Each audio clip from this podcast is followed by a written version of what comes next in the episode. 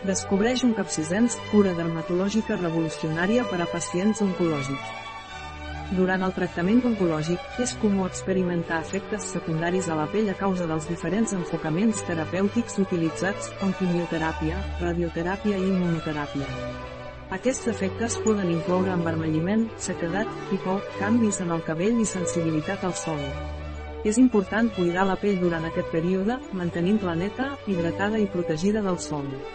La crema un capsisens de Prospera Biotech ha demostrat ser efectiva a millorar el confort i la qualitat de vida dermatològica dels pacients oncològics, alleujant els símptomes cutanis i proporcionant hidratació i protecció. Tot i que el càncer continua sent una malaltia prevalent a tot el món, s'estan destinant considerables recursos a la investigació i desenvolupament de noves teràpies. Actualment, hi ha diverses opcions de tractament disponibles, que varien segons el tipus i l'etapa del càncer.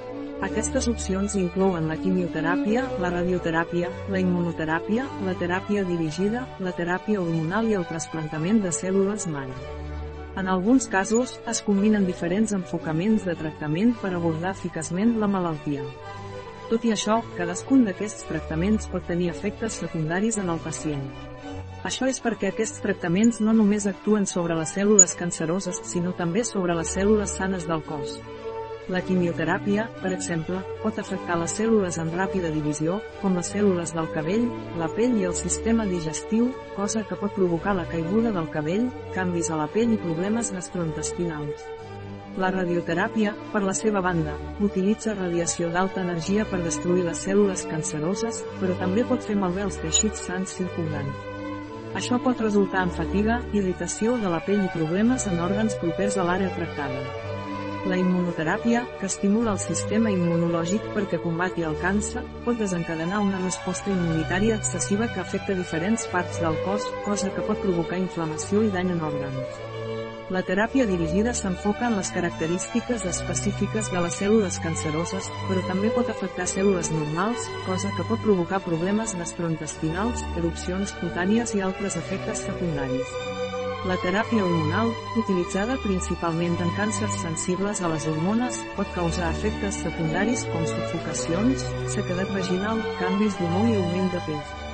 A més d'aquests efectes secundaris físics, els tractaments oncològics també poden tenir un impacte emocional i psicològic als pacients. La lluita contra el càncer pot ser esgotadora i estressant, i els efectes secundaris dels tractaments poden empitjorar aquesta situació. Els pacients poden experimentar ansietat, depressió, canvis a la imatge corporal i alteracions en la vida quotidiana. Cal destacar que els efectes secundaris poden variar d'un pacient a un altre i depenen del tipus de tractament, la dosi administrada, la durada del tractament i la resposta individual de cada pacient. Els metges i professionals de la salut estan capacitats per avaluar i manejar aquests efectes secundaris i treballaran en estreta col·laboració amb els pacients per minimitzar l'impacte negatiu en la qualitat de vida. En resum, els tractaments oncològics són fonamentals en la lluita contra el càncer, però també poden causar efectes secundaris al pacient. Quins efectes secundaris poden aparèixer durant el tractament oncològic? Quan es fan servir tractaments oncològics, és possible que es produeixin efectes secundaris a causa del seu impacte en els teixits i òrgans sants del cos. Tot i això, és important tenir en compte que no tots els pacients experimenten els mateixos efectes secundaris. Algunes persones poden experimentar-ne només alguns, mentre que altres poden no experimentar-ne cap. La gravetat dels efectes secundaris també varia considerablement d'un individu a un altre. És crucial tenir en compte que, en avaluar aquests efectes secundaris, cal considerar l'equilibri entre les molèsties que puguin causar i la necessitat de destruir les cèl·lules canceroses per assolir l'objectiu de tractament. Cada pacient és únic i pot tenir una resposta individualitzada als tractaments. Algunes persones poden experimentar efectes secundaris lleus i manejables, com nàusees, fatiga o pèrdua de gana. Altres poden experimentar efectes secundaris més greus, com ara dany en òrgans específics, disminució de la funció immunològica o problemes cardiovasculars. És important tenir en compte que els professionals de la salut estan capacitats per avaluar i gestionar aquests efectes secundaris. Treballen estretament amb els pacients per proporcionar una cura integral i minimitzar l'impacte negatiu a la qualitat de vida. En alguns casos, es poden prendre mesures preventives o es poden oferir tractaments complementaris per mitigar-ne els efectes secundaris. És fonamental que els pacients es comuniquin obertament amb el seu equip mèdic i expressin qualsevol preocupació o símptoma que experimentin durant el tractament. Això permet que els professionals de la salut ajustin i personalitzin el pla de tractament segons les necessitats individuals amb l'objectiu de maximitzar els beneficis i minimitzar-ne els efectes secundaris. En resum, els efectes secundaris dels tractaments oncològics poden variar àmpliament d'un pacient a un altre. Si bé poden causar molèsties i preocupacions, cal considerar-los en relació amb la importància de combatre i destruir les cèl·lules canceroses. La comunicació oberta amb l'equip mèdic i la cura integral poden ajudar a gestionar i mitigar els efectes secundaris permetent que els pacients continuïn lluitant contra el càncer de manera més efectiva. Cada tipus de tractament oncològic té un mecanisme d'acció específic, depenent del tipus de càncer, l'òrgan afectat i la gravetat de la malaltia. No obstant això, en termes generals, els efectes secundaris comuns que es poden experimentar inclouen anèmia, una disminució en el nombre de glòbuls vermells a la sang, cosa que pot causar fatiga, debilitat i dificultat per respirar. Cansament, una sensació persistent de fatiga i manca d'energia, que pot afectar la capacitat de fer activitats diàries. Problemes en músculs i nervis, certs tractaments poden causar debilitat muscular, entoniment, formigueig o dolor a les extremitats. Caiguda del cabell, molts tractaments de quimioteràpia poden causar la pèrdua temporal del cabell al cuir cabellut, així com en altres àrees del cos, com les celles i les pestanyes. Canvis a la pell i les ungles. Alguns tractaments poden causar sequedat, envermelliment, descamació, picor, sensibilitat o canvis en la pigmentació de la pell. També hi pot haver canvis a les ungles, com ara fragilitat o decoloració. Canvis a la gana, alguns pacients poden experimentar una disminució o pèrdua de la gana, cosa que pot provocar pèrdua de pes i debilitat.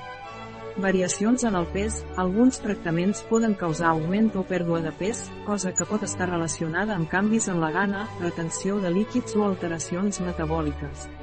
Problemes de fertilitat. Certs tractaments poden afectar la fertilitat tant en homes com en dones, cosa que pot requerir la consideració d'opcions de preservació de la fertilitat abans del tractament. Variacions en el desig i la funció sexual. Alguns tractaments poden afectar la libido, la funció sexual i la fertilitat, cosa que pot tenir un impacte emocional i físic en la vida íntima dels pacients. Afeccions gastrointestinals, els tractaments poden causar efectes en el sistema digestiu, com ara nàusees, vòmits, diarrea, restrenyiment, dolor abdominal, acidesa estomacal o pèrdua de la gana. Problemes a la boca, llengua i gola, alguns tractaments poden causar nafres a la boca, sequedat bucal, dificultat per empassar o canvis en el sentit del gust. Aparició d'infeccions, la disminució de cèl·lules sanguínies importants per al sistema immunològic pot augmentar el risc d'infeccions, com ara infeccions respiratòries, urinàries o de la pell. És important tenir en compte que no tots els pacients experimentaran tots aquests efectes secundaris i la gravetat dels mateixos pot variar. Els professionals de la salut estan capacitats per manejar i controlar aquests efectes secundaris i treballaran en estreta col·laboració amb els pacients per minimitzar-ne l'impacte en la qualitat de vida durant el tractament contra el càncer, canvis a la pell efectivament, com es va esmentar a la llista anterior, la pell es pot veure afectada pel tractament oncològic. Aquests canvis a la pell són comuns i poden incloure envermelliment, sequedat, picor, descamació i l'aparició de granellades. En algunes àrees del cos, és possible que s'observi un enfosquiment o aclariment del color de la pell. La radioteràpia i certs medicaments utilitzats en el tractament del càncer poden afectar directament les cèl·lules de la pell i els teixits circundants. L'envermelliment, conegut com a eritema, pot ser causat per la inflamació dels vasos sanguinis de la pell. La sequedat cutània és un altre efecte comú, ja que aquests tractaments poden disminuir la producció d'olis naturals a la pell, cosa que resulta en una pèrdua d'humitat i una aparença i sensació aspra. La picor pot ser conseqüència de la irritació de la pell i la resposta inflamatòria. La descamació és un altre possible efecte secundari, ja que la pell es pot desprendre en forma d'escates o làmines. Aquests canvis a la pell no només poden ser visibles, sinó que també poden generar incomoditat i afectar la qualitat de vida del pacient. A més d'aquests canvis cutanis, les nafres i les esquerdes a la pell són un altre efecte secundari important a tenir en compte. Aquestes lesions es poden desenvolupar com a resultat de la fragilitat de la pell, la disminució de la producció de cèl·lules noves i la manca d'hidratació adequada. Les nafres poden ser especialment problemàtiques, ja que poden augmentar el risc d'infeccions cutànies i endarrerir el procés de cicatrització. És fonamental que els pacients es comuniquin amb el seu equip mèdic davant de qualsevol canvi a la pell durant el tractament oncològic. Els professionals de la salut poden proporcionar recomanacions específiques per a la cura de la pell, que poden incloure l'ús de productes suaus i no irritants, la hidratació regular de la pell, la protecció solar adequada i el maneig de les nafres o esquerdes. En alguns casos, poden ser necessaris medicaments tòpics per alleujar els símptomes i promoure la curació de la pell. A més, cal recordar que cada pacient pot experimentar aquests canvis cutanis de manera diferent i en diferents graus. Algunes persones poden tenir més susceptibilitat als efectes secundaris cutanis, mentre que altres poden experimentar-los de forma més lleu o fins i tot no experimentar-los en absolut. Els professionals de la salut estan capacitats per adaptar els tractaments i brindar una cura individualitzada segons les necessitats i tolerància de cada pacient. En conclusió, els tractaments oncològics poden afectar la pell de diferents maneres, causant canvis com envermelliment, sequedat, picor, descamació, granellades, nafres i esquerdes. Aquests efectes secundaris poden generar incomoditat i augmentar el risc d'infeccions cutànies. És important informar els professionals de la salut sobre qualsevol canvi a la pell per rebre la cura adequada i minimitzar-ne l'impacte en la qualitat de vida durant el tractament contra el càncer. Radioteràpia Quan els pacients reben tractament de radioteràpia, és comú que experimentin una sèrie de canvis a la pell a la zona tractada, el que es coneix com a radiodermitis. Aquestes alteracions cutànies són temporals i afecten un gran percentatge dels pacients sotmesos a aquest tipus de tractament. Els símptomes més freqüents de la radiodermitis inclouen envermelliment de la pell, sequedat, decoloració, picor i fins i tot l'aparició de butiofes o descamació. Aquests canvis a la pell solen desenvolupar-se gradualment durant el curs del tractament i poden persistir durant algun temps després que s'hagi completat. És important destacar que, si bé la radiodermitis és un efecte secundari comú, la gravetat pot variar d'un pacient a un altre. Algunes persones poden experimentar símptomes lleus i transitoris, mentre que altres poden experimentar efectes més pronunciats i perllongats. Durant tot el procés de tractament, la pell requereix una cura especial. És essencial seguir les recomanacions i les pautes proporcionades per l'equip mèdic i el personal de radioteràpia. Això pot incloure l'aplicació de cremes o locions hidratants específiques per protegir i alleujar la pell, així com evitar l'exposició al sol a la zona tractada i utilitzar peces de vestir soltes i suaus. A més, és fonamental informar l'equip mèdic sobre qualsevol canvi o símptoma nou que s'experimenti a la pell durant el tractament. El personal d'atenció mèdica està capacitat per brindar la cura adequada i prendre mesures addicionals si cal, com ara ajustar la dosi de radioteràpia o proporcionar medicaments tòpics per alleujar els símptomes i promoure la curació de la pell. En resum, la radiodermitis és un conjunt de lesions cutànies temporals que poden ocórrer com a resultat de la radioteràpia. Aquestes alteracions inclouen envermelliment, sequedat, decoloració, picor i possiblement l'aparició de butiofes o descamació. La cura especial de la pell durant tot el procés de tractament, així com la comunicació oberta amb l'equip mèdic, són aspectes fonamentals per minimitzar els símptomes i promoure la salut cutània durant i després de la radioteràpia. Quimioteràpia La teràpia de quimioteràpia és un tractament àmpliament utilitzat en el combat contra el càncer. El seu mecanisme d'acció es basa en la capacitat de certs medicaments per atacar i destruir les cèl·lules que es divideixen ràpidament, com ara les cèl·lules canceroses. No obstant això, pel fet que no només les cèl·lules canceroses presenten aquesta característica, la quimioteràpia pot afectar també altres teixits i òrgans sants del cos, incloent la pell. La pell és un òrgan que es renova constantment i les cèl·lules també tenen un alt nivell de creixement i divisió. Per tant, en rebre la quimioteràpia, les cèl·lules de la pell poden ser afectades de manera no selectiva, ja que el medicament no pot distingir entre les cèl·lules canceroses i les cèl·lules sanes a la pell. Això pot portar una sèrie d'efectes secundaris a la pell. Alguns dels efectes més comuns a la pell durant la quimioteràpia inclouen sequedat, envermelliment, sensibilitat, descamació, pico i fins i tot la formació de butifes. Aquests efectes poden variar en intensitat i durada depenent del tipus de medicament utilitzat, la dosi administrada i la sensibilitat individual de cada pacient. És important esmentar que no tots els pacients experimentaran els mateixos efectes secundaris a la pell durant la quimioteràpia. Algunes persones només poden presentar símptomes lleus i temporals, mentre que altres poden experimentar efectes més pronunciats i persistents. Per mitigar els efectes secundaris a la pell durant la quimioteràpia, els metges solen recomanar mesures de cura específiques. Aquestes poden incloure l'ús de productes suaus i sense fragància per a la cura de la pell, la hidratació regular, la protecció solar adequada i evitar l'exposició a factors irritants com la calor o el fred extrem. A més, és important comunicar-se amb l'equip mèdic per informar sobre qualsevol canvi a la pell i rebre orientació addicional. En resum, la quimioteràpia és un tractament eficaç en el combat contra el càncer, però pot afectar també els teixits sants, incloent-hi la pell, a causa del mecanisme d'acció no selectiu. Els efectes secundaris a la pell poden variar i incloure sequedat, envermelliment, descamació, picor i sensibilitat. És important seguir les recomanacions de l'equip mèdic per cuidar i protegir la pell durant la quimioteràpia i comunicar qualsevol canvi a la pell per rebre la cura adequada. La probabilitat d'experimentar diferents problemes cutanis varia segons el tipus de medicament utilitzat en el tractament oncològic.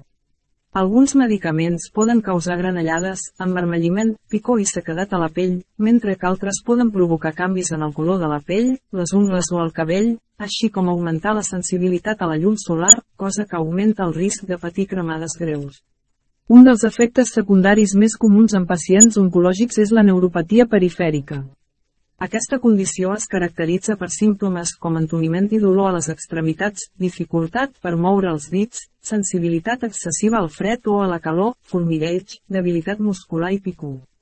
La prevalença de la neuropatia perifèrica varia segons l'agent quimioterapèutic utilitzat. S'estima que pot afectar fins al 80% dels pacients tractats amb paclitaxel i udocetaxel i fins al 95% dels pacients tractats amb oxaliplatí. És important destacar que cada pacient pot experimentar aquests efectes secundaris de manera diferent i la gravetat dels símptomes pot variar d'una persona a una altra. Alguns pacients poden experimentar símptomes lleus i transitoris, mentre que altres poden experimentar efectes més pronunciats i persistents. L'equip mèdic està capacitat per avaluar els riscos i beneficis de cada tractament i ajustar-ne les dosis o modificar el règim de medicació segons les necessitats individuals de cada pacient. A més, hi ha mesures de maneig i cura que poden ajudar a mitigar els efectes secundaris a la pell i al sistema nerviós perifèric. Això pot incloure l'ús de cremes hidratants, protectors solars, analgèsics o medicaments específics per al maneig de la neuropatia perifèrica. En resum, els tractaments oncològics poden tenir efectes secundaris a la pell i al sistema nerviós perifèric. Aquests efectes poden variar segons el tipus de medicament utilitzat. Alguns medicaments poden causar problemes cutanis com granellades, envermelliment i sequedat, mentre que altres poden provocar canvis en el color de la pell, les ungles o el cabell, així com augmentar la sensibilitat a la llum solar. La neuropatia perifèrica és un altre efecte secundari comú, caracteritzat per símptomes com entumiment, dolor, formigueig i debilitat a les extremitats. L'equip mèdic està preparat per oferir mesures de maneig i cura per mitigar aquests efectes secundaris i millorar la qualitat de vida durant el tractament oncològic. Teràpia dirigida a aquest tipus de teràpies actuen sobre característiques presents a les cèl·lules canceroses. No obstant això, també poden afectar les cèl·lules de la pell, així com altres cèl·lules del cos. És cert que els problemes de la pell associats a la teràpia dirigida solen ser lleus i dependents de la dosi de medicació, però un dels principals efectes secundaris és la granellada que recorda un brot d'acne. La teràpia dirigida també pot causar formigueig, ardor i una major sensibilitat a la calor a les mans i els peus del pacient tractat. Per suposat, les teràpies oncològiques, com la teràpia dirigida, estan dissenyades per dirigir-se a característiques específiques presents a les cèl·lules canceroses. No obstant això, pel fet que algunes d'aquestes característiques també són presents en cèl·lules sanes, aquestes teràpies poden afectar no només les cèl·lules canceroses, sinó també les cèl·lules de la pell i altres cèl·lules del cos. En el cas de la teràpia dirigida, els problemes de pell associats solen ser lleus i depenen de la dosi de medicació administrada. Un dels efectes secundaris més comuns a la pell durant aquest tipus de teràpia és el desenvolupament d'una granellada similar a un brot d'acne. Això és perquè els medicaments utilitzats en la teràpia dirigida poden afectar la producció de seu, cosa que pot obstruir els poros i provocar l'aparició de grans o lesions similars a l'acne. A més, la teràpia dirigida pot causar altres efectes secundaris a la pell i al sistema nerviós perifèric. Alguns pacients poden experimentar sensacions de formigueig, ardor o major sensibilitat a la calor a les mans i els peus. Aquests símptomes, coneguts com a neuropatia perifèrica, poden ser causats per l'afectació dels nervis perifèrics a causa de la teràpia dirigida. És important destacar que la gravetat de aquests efectes secundaris pot variar de un pacient a un altre i dependrà de diversos factors, com el tipus de medicament utilitzat, la dosi administrada i la resposta individual de cada pacient al tractament. L'equip mèdic responsable del tractament estarà en condicions de brindar el suport necessari per manejar aquests efectes secundaris a la pell i al sistema nerviós perifèric. Poden recomanar-se mesures de cura de la pell, com ara l'ús de productes suaus i sense fragància, la hidratació adequada i la protecció solar. A més, es poden proporcionar opcions de maneig del dolor o teràpies complementàries per alleujar els símptomes de la neuropatia perifèrica. En resum, les teràpies dirigides al tractament del càncer poden tenir efectes secundaris a la pell i al sistema nerviós perifèric. A més de la granellada similar a l'acne, també poden causar neuropatia perifèrica, manifestada per sensacions de formigueig, ardor i major sensibilitat a la calor a les extremitats. Aquests efectes secundaris poden variar en gravetat i depenen de factors com ara el tipus i la dosi de medicació utilitzada. L'equip mèdic estarà disponible per oferir mesures de cura i maneig adequades per millorar la qualitat de vida del pacient durant el tractament. Immunoteràpia La immunoteràpia és un enfocament de tractament del càncer que utilitza el sistema immunològic del propi pacient per combatre les cèl·lules canceroses. Encara que aquest tipus de teràpia té com a objectiu principal atacar específicament les cèl·lules canceroses, també pot afectar cèl·lules sanes en el procés. Un dels efectes secundaris comuns de la immunoteràpia són els problemes de la pell. Alguns pacients poden experimentar granellades, picor o l'aparició de butllofes a la pell. Aquests efectes poden variar en gravetat i poden requerir cures addicionals per alleujar els símptomes i prevenir complicacions. A més, en alguns casos, la immunoteràpia pot provocar una pèrdua de cabell. Aquesta pèrdua de cabell pot ocórrer en àrees localitzades o pot afectar tot el cos, depenent del tractament i la resposta individual del pacient. És important destacar que en el cas de la pèrdua de cabell associada a la immunoteràpia, els efectes secundaris es poden desenvolupar fins i tot diversos mesos després de rebre el tractament. És crucial tenir en compte que cada pacient pot reaccionar de manera diferent de la immunoteràpia, i els efectes secundaris poden variar en intensitat i durada. L'equip mèdic responsable del tractament estarà atent a l'evolució del pacient i podrà oferir recomanacions i mesures de suport per mitigar-ne els efectes secundaris i millorar la qualitat de vida durant el tractament. En resum, la immunoteràpia, en utilitzar el sistema immunològic del pacient per combatre el càncer, pot tenir efectes secundaris que afecten cèl·lules sanes, inclosa la pell. Els problemes cutanis, com granellades, picor i butllofes, són comuns en alguns pacients. A més, la immunoteràpia pot provocar la pèrdua de cabell, ja sigui en àrees localitzades o a tot el cos. És important tenir en compte que els efectes secundaris es poden desenvolupar fins i tot diversos mesos després del tractament. L'equip mèdic estarà disponible per proporcionar el suport necessari i ajudar a manejar aquests efectes secundaris de manera adequada, com millorar les moleties a la pell ocasionades pels tractaments oncològics. Durant el tractament oncològic, és important tenir en compte que la pell es pot tornar més sensible i propensa a la irritació. Per tant, és fonamental tenir cura adequadament de la pell durant aquest període per mantenir-la saludable. Això implica seguir algunes pautes específiques per protegir la pell de possibles danys, lesions i infeccions. Un dels aspectes clau de la cura de la pell durant el tractament oncològic és mantenir neta. Es recomana rentar suaument la pell amb productes suaus i sense fragàncies agressives per evitar la irritació addicional. A més, és essencial mantenir la pell correctament hidratada, ja que la sequedat pot ser un efecte secundari comú del tractament. Es poden fer servir cremes hidratants suaus i no irritants per prevenir i millorar la sequedat de la pell. La protecció solar també és fonamental. Durant el tractament oncològic, la pell pot tornar-se més sensible a la radiació solar, cosa que augmenta el risc de cremades solars i danys a la pell. Per tant, es recomana fer servir protector solar d'ampli espectre amb un factor de protecció solar, FPS, adequat i aplicar-lo de manera regular i generosa. És important tenir en compte que alguns productes poden ser irritants per a la pell durant el tractament oncològic.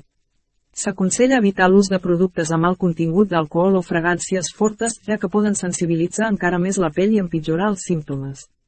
Optar per productes suaus i específicament dissenyats per a pells sensibles pot ser beneficiós.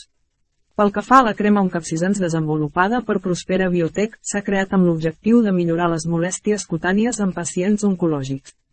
Aquesta crema pot proporcionar alleugeriment i comoditat a la pell durant el tractament, ajudant a reduir la irritació, l'envermelliment, la picor i altres símptomes associats. En resum, durant el tractament oncològic, és fonamental tenir cura adequadament de la pell per mantenir-la saludable i prevenir possibles complicacions. Això implica mantenir la pell neta, hidratada i protegida del sol. A més, és important evitar l'ús de productes irritants i optar per opcions suaus i específicament dissenyades per a pells sensibles. La crema encapsisens desenvolupada per Prospera Biotech pot ser una opció a considerar per millorar les molèsties cutànies en pacients oncològics durant el tractament. A més dels beneficis esmentats anteriorment, és important destacar que la crema encapsisens desenvolupada per Prospera Biotech també compta amb propietats hidratants i hipoalergògenes. La hidratació de la pell és un factor crucial per mantenir la salut i el benestar. Durant el tractament oncològic, la pell tendeix a tornar-se més seca i propensa a la sequedat, cosa que pot generar incomoditat i molèsties. La crema encapsisens ajuda a hidratar la pell de manera efectiva, ajudant a alleujar la sequedat i millorar-ne l'aspecte i la textura. A més, la crema ha estat formulada amb ingredients hipoalergògens, la qual cosa significa que ha estat dissenyada per minimitzar el risc de reaccions al·lèrgiques. Això és especialment important per als pacients oncològics, la pell dels quals pot ser més sensible durant el tractament. És rellevant destacar que l'eficàcia de la crema oncapsisens ha estat recolzada per un estudi en què van participar pacients de quatre hospitals diferents. Segons els resultats de l'estudi, el 87% dels pacients van experimentar una millora en el seu índex de qualitat de vida dermatològic després de fer servir la crema. Això demostra l'impacte positiu que aquesta crema pot tenir en la salut i el benestar dels pacients oncològics, millorant el confort i la qualitat de vida en termes de la pell. En resum, la crema encapsisens de Prospera Biotech no només ofereix beneficis hidratants i hipoalergògens per a la pell dels pacients oncològics, sinó que també ha demostrat ser efectiva a millorar l'índex de qualitat de vida dermatològic en un estudi amb la participació de diversos hospitals. Això dona suport a la utilitat d'aquesta crema en la cura i el confort de la pell durant el tractament oncològic. Un article de Catalina Vidal Ramírez, farmacèutica, gerent de Biofarma, és la informació presentada en aquest article no substitueix de cap manera l'assessorament d'un metge, qualsevol menció en aquest article d'un producte no representa el suport dels objectius de desenvolupament sostenible a aquest producte.